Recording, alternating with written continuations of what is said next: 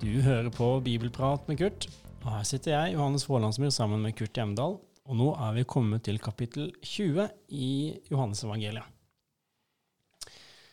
Graven er tom. Eh, Det er overskriften for i dag, Kurt. Ja, Det er det. Er en utrolig dag. Påskemorgen.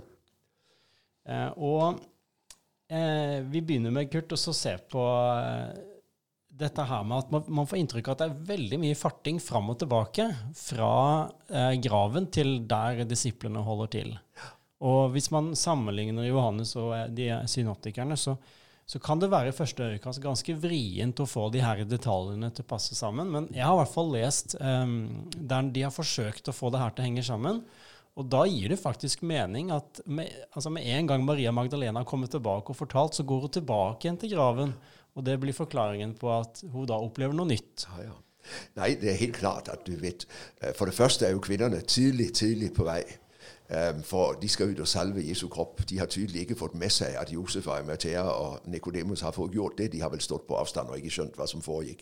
Så nå skal de ut og sørge for at det som ikke skjedde på fredag, det skal skje. Og så kommer de jo plutselig på jamen steinen. Og, så, og så kommer de frem, og så oppdager de at steinen er borte. ikke sant? Og, og graven er tom, og så må de jo inn og fortelle det til disiplene med en gang. De flyr til byen igjen. ikke sant? Og så er det klart der oppstår en eh, total forvirring. For var det noe disiplene i hvert fall ikke var forberedt på, så var det Jesu oppstandelse. Han hadde sagt det til dem igjen og igjen. De hadde ikke hørt det. Og, og hva i alle dager er det kvinnene som eh, vi kjenner fra hjemme hos vandrere? Nå har noen kvinner fortalt det. Det er helt tydelig ah, det er vel ikke så veldig troverdig. Eh, Kan det være sant? Men dermed må jo selvfølgelig mannfolka ut og få bekreftet det. Og det er jo det vi hører hos Johannes. ikke sant? Eh, og så må vi jo regne med Matteus, Markus, Lukas og Johannes har hver sine eh, kilder som var der. Og sett litt forskjellig, får med seg litt forskjellig stoff. Og dermed så opplever vi at disse små nyansene er der. Men selve de to kjensgjerninger som er viktige, de er de felles om. Graven er tom, og den levende Jesus møter dem. Han er oppstått. Ja. Så, så selv om de legger vekt på litt forskjellige detaljer, eh, så er det bare med til å utfylle bildet. Og bildet er entydig i sitt grunnleggende innhold. Eh, og så får vi vite at, eh, at Johannes og Peter løper ut til graven. Eh, og så tenkte jeg på dette her som de ser når de kikker inn. Altså For det første, graven er tom. Og så så de eh, Han så linklærne som lå der, og tørklærne som Jesus hadde hatt over hodet. Det lå ikke sammen med linklærne, men sammenrullet på et sted for seg selv. Eh, det, det er jo egentlig fryktelig interessante detaljer, for at den sånn første åpenbare forklaringa på hva som har skjedd, det er jo et, altså et likrøveri eller grave... eh, Ikke sant? Jo, og det er jo veldig interessant hvis du ser i vers um, 2. Der løper Maria Magdalena av sted til Simon Peter og roper de har tatt Herren bort fra graven. Så hun regner med det er gravrøveri. Ja. Ikke sant?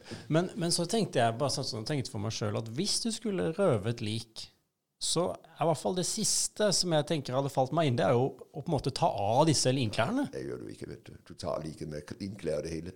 Ja. Og med, spesielt med tanke på at han har blitt piska. Ja, ja, ja. så er det rett og slett eh, ikke noen god idé å ta det her av. Men det her er altså pakka fint sammen og lagt hver for seg. De har lagt rundt lin, og så har de lagt urter for at det ikke skal lukte. ikke sant? Velluktende urter. Så han ligger i en hel pakke med urter og salve. Og det er jo klart at når den har tørket i løpet av uh, gårsdagen, lørdagen, så blir den ganske stiv. Så den blir nesten, nesten som et sånn mumiehylster. Ok. Og det du må regne med, de har sett, det er at hylsteret ligger der, men det er tomt. Men pga. salven og urtene så har det beholdt, formen sin. Så selve linklærne ligger igjen eh, som eh, formet etter Jesu kropp, men kroppen er der ikke. Nei. Ikke sant? Og så har han som har stått opp, gitt seg tid til å legge sammen hodekledet. Han har tatt det av og lagt det for seg selv, slik at det, i motsetning til innklærne, som har beholdt sin form etter begravelsen, det ligger pent eh, for, for seg selv. Gravrøver ville aldri ha lagt et, lin, eh, et sånt tørkle for seg selv, og i hvert fall ikke lagt det sammen, for det hadde de ikke tid til. Nei. Så begge deler sier noe om her må det ha skjedd noe aldeles oppsiktsvekkende. Kroppene er ikke Hvordan i all verden går det an at linklærne ligger der i sin likform, og så er de tomt? Han er gått rett ut av linklærne. Selvfølgelig er han det. Mm, mm. Med det åndelige legemet han har fått i oppstandelsen, så er ikke det noe problem. Vi leser litt lenger ut i kapitlet. Han går gjennom lukkede dører. Mm, mm. Her går han altså rett gjennom linkledet, og det ligger igjen. Og tilsvarende, han legger tørkleet til side. Han er for lengst uh, borte. Jeg kan jo se for meg at de står og klør seg ganske kraftig i hodet når de ser disse detaljene og skal prøve å få det her til å henge sammen. Men det, men det er interessant, for det står eh, Johannes skriver han så og trodde ja. om seg selv, da, vil jeg tro. Ja, og det er helt tydelig at nettopp det faktum at likklærne ligger der, og at formen er beholdt, at tørkleet er lagt pent til side Ja, det kan ikke være noen annen forklaring. Han må være oppstått. Så dermed demrer det plutselig for Johannes. Hva var det han sa? Den tredje dagen skal jeg oppstå. Og dermed ser han og skjønner underet er et faktum. Han, han, så og trodde, men han la kanskje ikke likevel jubelen slippe helt løs. Eh, for dette er jo på en måte for godt til å være sant, sånn eh, umiddelbart. Jeg tenker at her begynner på en måte prosessen. Ja, ikke sant? Hvor man begynner å ane mm. Wow, hva i alle dager? Men enda er han ikke der hvor han kan bryte ut i full jubel, for han har enda ikke sett den oppstanden. Han har enda ikke mm. fått den endelige bekreftelsen. Men, men, allerede nå begynner han plutselig å skjønne det han sa, det var mer enn det vi trodde. Og så sier Johannes, og det gir jo mening ut ifra det du sa nå, at fram til da hadde de ikke forstått Skriftene. Nei. De har ikke skjønt det der Jesus har snakket om oppstandelse, mm. og at, skrift, at det var en del av skriftoppfyllelsen. Eh, du nevnte der i stad at um, Maria her har jo da eh, hun, hun, tenker ikke at Jesus står stått opp igjen, men han har blitt røvet. Og, og, det, og det, um, merker vi i responsen her, for hun sier når hun, hun, tror vel hun møter gartneren Hvorfor ja. gråter du, kvinne? Hun svarte, de har tatt herren min bort, og jeg vet ikke hvor de har lagt, dem, lagt ham. Før jeg svarer på det, så har jeg lyst til å ta med en liten detalj som jeg alltid må smile av. Um, du vet, De andre forteller jo om engleåpenbarelsen ved graven eh, allerede i selve oppstandelsesberetningen. Det gjør ikke Johannes. Mm. Han forteller om Johannes og Peters reaksjon. ikke sant? De løper ut og ser. Men vi hører ikke dette med engelen der og da. Mm. Det er først senere at vi hører om åpenbarelse. Så Johannes har en helt annen vinkling. Og selve oppstandelsen den er på en måte bare eh, bakgrunn for det han forteller. For, for den har skjedd. Det har den også hos de andre, men der sitter det altså en engel for å fortelle det. Det gjør det ikke her. Mm. Så den detaljen utelater Johannes. Men jeg syns det er så morsomt at han sier på den ene siden uh, han så og trodde, og disiplene gikk så hjem. Ja. Det er sånn nedtur de luxe. Mm. Her står vi ved den tomme grav. Under har skjedd. Men de klør seg i hodet og skjønner at noe er på gang, og skjønner det ikke. Og dermed så går de hjem igjen. Hva, hva, skal man gjøre med en tom grav? Nei. De må hjem og tykke på dette. ikke sant? Ja, ja. Men Maria det er helt tydelig, hun har ikke fått med seg at Jesus virkelig er oppstått. Og Derfor er hun bare opptatt av hvor er hun henne. For hun er eh, dypt, eh, elsker eh, mesteren dypt og inderlig og, og er ute etter å få tak på ham. For ingen skal få lov å løpe med hennes elskede mester. Og Du kan merke på en måte litt sånn desperasjon i, i, i, Maria når hun sier at så hun, hun, kan ta ham og bære ham. Ja, hun, altså, hun, hun må ha ham. Ja. For, for, for, hennes kjærlighet er så sterk at hun ja. kan ikke være uten ham. Ja, ja. Og så lurte jeg på det her som, eh, som sikkert mange har stussa på, det som Jesus da sier til Altså, hun skjønner at det er Jesus, og så sier Jesus 'rør meg ikke', eh, for jeg er ennå ikke steget opp til far'. Men gå til mine brødre og si til dem at jeg stiger opp til ham, som er min far, og far for dere, min Gud og deres Gud. Ja. Dette her eh, rører meg ikke. Eh, hva er din forklaring på, på, det her? Jeg tror at i det øyeblikk det går opp for Maria at dette er Jesus, så er det rett før hun farer om halsen på ham. Hun ønsker å erobre ham for seg selv. Men Jesus er ikke kommet for å være kjæreste med Maria Magdalena. Det er jo, der, eh, det, er jo det, som stadig fortelles. Da Vinci-koden. Ja, ja, ja. Og det er jo tull og tøys. Det er bare tøys. Jesus er ikke kjæreste med noen, og han er ikke gift. Han lever alene. Men det er meget sannsynlig at Maria Magdalena hun har overtoner eh, som går langt utover den åndelige kjærligheten, og at hun altså vil ha ham. ikke sant? Og dermed så må Jesus sørge for å skape avstand. Mm, mm. Eh, hun skal ikke eie ham på annen måte enn nettopp i troen sammen med de andre. Mm. Og hun har ingen særrettigheter. Så Jesus opprettholder distansen og sender henne av sted. Men det er jo veldig interessant. Johannes forteller ikke om himmelfarten andre steder enn her. Jeg Nei. går til min far. Ja. Ikke sant? Eh, Lukas forteller om himmelfarten, eh, men her får vi, hos Matteus får vi høre at Jesus sier, de skal, eller englene sier 'gå til Galilea'. Eh, her går Jesus rett til himmels. Og her virker det som om Johannes på en måte forkorter sin beretning og har himmelfartsperspektivet med en gang.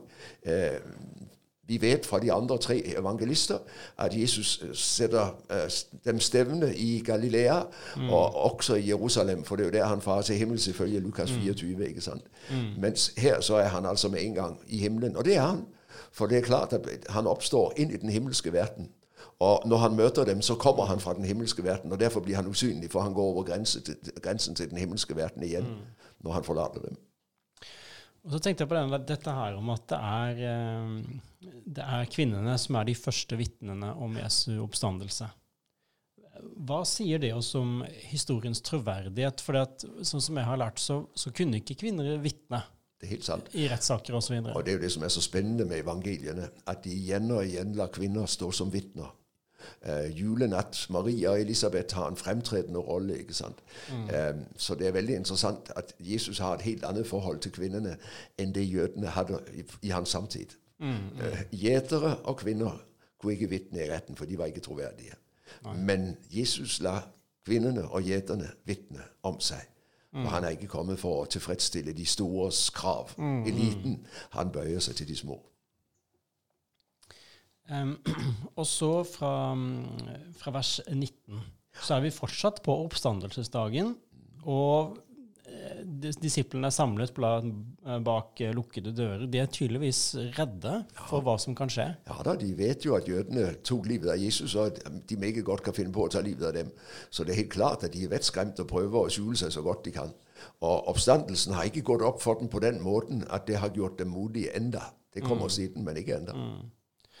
Og så er plutselig Jesus midt iblant dem og viser sine sårmerkede hender. Um, det er virkelig den korsfestede. Har, har du tenkt noe på det? Altså, Hvorfor har ikke liksom hendene blitt nye? Det er, det, det er de blitt, men det er veldig interessant at også inn i den evige verden bærer han med seg sårmerkene. Ja. Og jeg tenker at det er jo for, både for å understreke forsoningens troverdighet, men det betyr jo altså også at det er en sammenheng. Ja, jeg får en ny kropp som ikke lenger er bundet av tid og rom som den gamle kroppen, men det er min kropp, det er meg som er der. Og sårmerkene sier jo nettopp noe om identiteten. Selv om han nå er ny, så er han altså likevel fortsatt merket av det han kommer fra. Um, jeg, jeg husker min uh, Knut Alsvåg, min lærer i, Ja. i, i um, systematisk teologi, han sa det at inkarnasjon kan ikke reverseres. Nei. Han har en kropp, og det kommer han alltid til å ha. Og det er jo det han har, altså. Og den kroppen er nå annerledes, for den Paulus taler om det i 1. Korinterbrev 15, at oppstandelseslegeme er et åndelig legeme, ikke av kjøtt og blod, sånn som vårt legeme her i tiden. Men det er helt tydelig, det er likevel en sammenheng, og den kommer veldig tydelig frem her.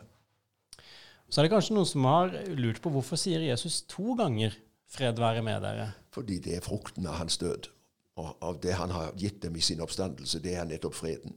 Eh, Da vi er rettferdiggjort ved troen, har vi fred med Gud, skriver Paulus i Romerne 5.1. Jesus har sagt det i Johannes 14, 27. Fred etterlater jeg dere, min fred gir jeg dere. Og nå gir han dem freden. Fred være med dere, og så får de den gudsfreden han nå har vunnet til dem i sin forsoning på korset. Og så lurte jeg på dette her han sier um, 'ta imot Den hellige ånd', og så puster han på dem.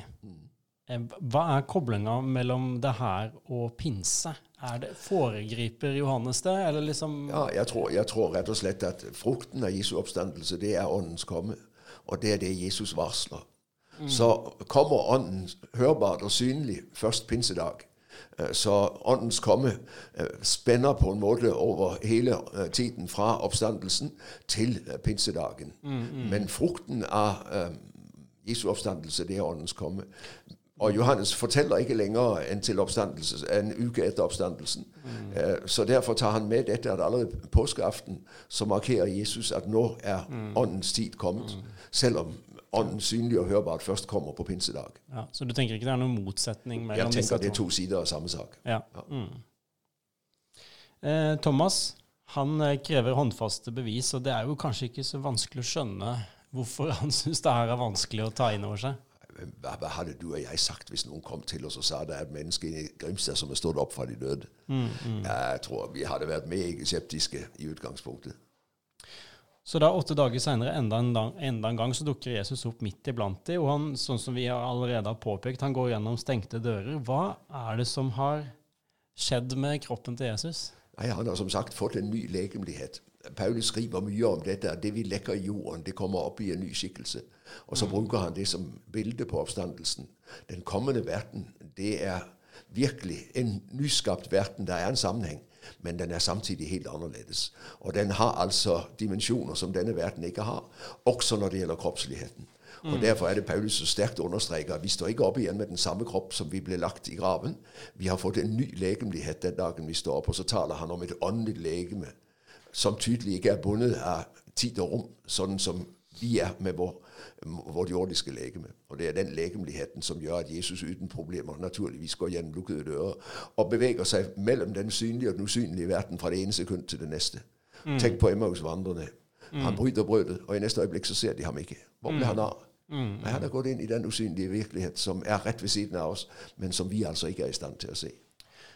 Litt sånn i forlengelsen av det, for det, er, noe, det er flere ganger man får inntrykk av at disiplene har vanskeligheter med å se at det er Jesus. Ja. Altså Det er vanskeligheter for å kjenne han igjen. Ja, ja, det er akkurat som at han Jo, han er jo, den, han er jo Jesus, men det, det, er sånn Det er noe som er annerledes. Det er helt tydelig. Og, derfor, og det, det, er jo det som gjør det så interessant, både med Jesus, men også med vår oppstandelse. Hvem skal oppstå? Jeg har fått det spørsmål mange ganger om vi skal kjenne hverandre igjen i himmelen. Ja, selvfølgelig skal vi det. For det er jo oss som er lagt i graven, og det er oss som står opp. Men samtidig, når vi oppstår, så har vi fått en ny legemlighet. Mm. Der er en sammenheng, og der er en avgjørende forskjell. For det, den mm. legemlighet av kjøtt og blod som vi har her, den er forbi når evigheten kommer. Da har vi fått et åndelig legeme som tilsvarer den virkelighet vi da skal leve i. Mm. Og Derfor vil vi nok måtte se på hverandre to ganger for å sikre å oh ja, det er deg. Mm. Uh, jeg hadde en fornøyelig opplevelse. For jeg møtte akkurat et menneske som jeg ikke hadde sett på veldig lang tid. Og jeg måtte se to ganger. Og så plutselig han spurte kjenner du meg. Og dermed så måtte jeg stoppe opp og så Jo, sannelig. Ja, er det deg? Ja, det var ham. Mm. Men det var såpass lenge siden at jeg måtte liksom se ordentlig på trekkene for å bli sikker på at det var ham. Og jeg tenker litt det samme. Det er ham, men det er noe som er annerledes. Legemligheten har en helt annen mm. Thomas han skjønner i hvert fall at, eh, at, det er Jesus, og han kommer med, da med den, en veldig kjent bekjennelse, for da sier Thomas 'Min Herre, min Gud'. Og det er, det er en kraftig Eh, bekjennelse. Og det er jo veldig interessant. Hvis du nå tenker på Johannes evangeliet i sin helhet. Vi startet i kapittel 1 med Johannes' kraftige vitnesbyrd i prologen. I begynnelsen var Ordet, Ordet var hos Gud, Ordet var Gud, og Ordet ble menneske. Nå avslutter Johannes sin beretning med Thomas' bekjennelse. Det siste han skriver før han avslutter evangeliet. Thomas, min Herre og min Gud. ikke sant? Så dermed bekrefter altså Thomas det som Johannes skrev i innledningen. Og nå har eh, Tom, Johannes' vitnesbyrd for et innhold, for nå har han fortalt hele beretningen om Jesus, og avsluttet med oppstandelsen, som jo er selve vitnesbyrdet om at Jesus nettopp er mye mer enn et menneske. Han er Gud selv midt iblant oss. ikke sant? Mm. Og dermed så får Thomas eh, syn for dette og, og, bekjenner det, og er med til å understreke, som enda et vitne, han er virkelig Guds sønn. Han er Gud selv. Mm. Når man leser her nå de siste versene av kapittel 20, um, ehm, så får man egentlig inntrykk av at nå måte bygger Johannes det her opp for en avslutning. Jeg tror det er Johannes' avslutning, vers 30 og 31. Nå avslutter Johannes evangeliet. Jesus gjorde også mange andre tegn for øynene på disiplene, tegn som det ikke er skrevet om i denne boken. Men disse er skrevet ned for at dere skal tro at Jesus er Messias, Guds sønn, og for at dere ved troen skal ha liv i hans navn. Mm. Og Der setter han punktum i første omgang. Og så viser det seg at det var noe han hadde glemt. Og dermed kommer kapittel 21. Men det er helt tydelig hengt på etter at Johannes har skrevet evangeliet ferdig. Mm. Det hender at man har et etterord vet du, når man skriver en bok. Det har mm. du ofte sett. At forfatteren har et eller annet uh, siste kapittel uh, som på en måte enten forteller litt om hvordan boken er blitt til, eller føyer til noe som uh, avklarer noen spørsmål i boken. Og Johannes har altså også lagt til et mm. kapittel som neppe var der når han første gang satte punktum. Litt sånn, det, jeg skjønner hvis ikke du kan svare på det her på sparket, men finnes det tekstvarianter som da ikke har med kapittel 21? Ikke, ikke så, vidt jeg vet. Nei. Nei, jeg tror, bare vi kjenner, jeg tror bare vi kjenner Johannes evangeliet i den skikkelse det er kommet til så tidlig at uh, det er med i de eldste tekstvariantene. Ja. Mm. Og så kan vi òg legge merke til at nettopp de her siste versa i, i kapittel 20 er veldig like de siste versa i kapittel 21. Det er akkurat som at det kommer en, her kommer det en ny. Det er nesten akkurat de samme formuleringene. Jeg hadde som kretssekretær i Hedmark Indremisjon for utallig mange år siden en ungdomsarbeider. Hun sto i jeg tror kirke og holdt barneandakt på et familiemøte. Og ble liksom ikke ferdig. Og plutselig kom det fra sognepresten på bakerste benk. 'Nå har du mange fine avslutninger'. Ja. Eh, det hender at vi har det. At Ja. predikanten ikke greier å få sagt 'ammen' så tidlig som han skulle. Ja. Og det er helt tydelig at de som har lagt til, til kapittel 21, eh, enten det nå er Johannes eller Johannes' disiplene, de har sørget for også å sette sin signatur på, akkurat som Johannes har satt den på de siste to versene i kapittel 20. Og så har vi jo snakka mange ganger på en måte hva som er den røde tråden uh, gjennom Johannes evangeliet. På en måte hva er um, hensikten til Johannes med å skrive det her? Og i vers 31 så sier han det egentlig i klartekst. Han sier at evangeliet er skrevet ned for at dere skal ha tro, eller tro at Jesus er Messias Guds sønn, og at dere skal ha liv i hans navn. Det er derfor jeg har skrevet det her.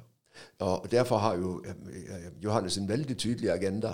For han ønsker med sitt vitnesbyrd å skape troen på Jesus som Messias og som Guds sønn. ikke sant?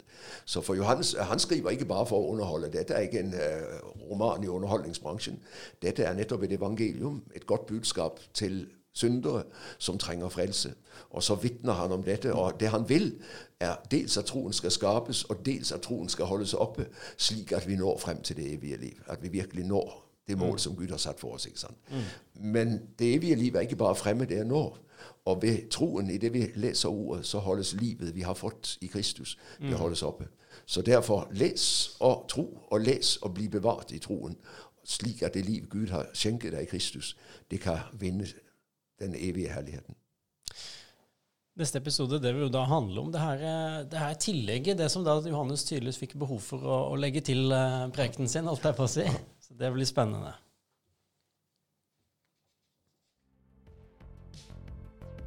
Hvis du syns denne podkasten var spennende og lærerik, må du gjerne fortelle om den til andre, sånn at flere òg kan få glede av den. Og hvis du har mulighet, må du gjerne gi en gave til Nordvisjon Agder sitt arbeid, f.eks. på Vipps nummer 94 272.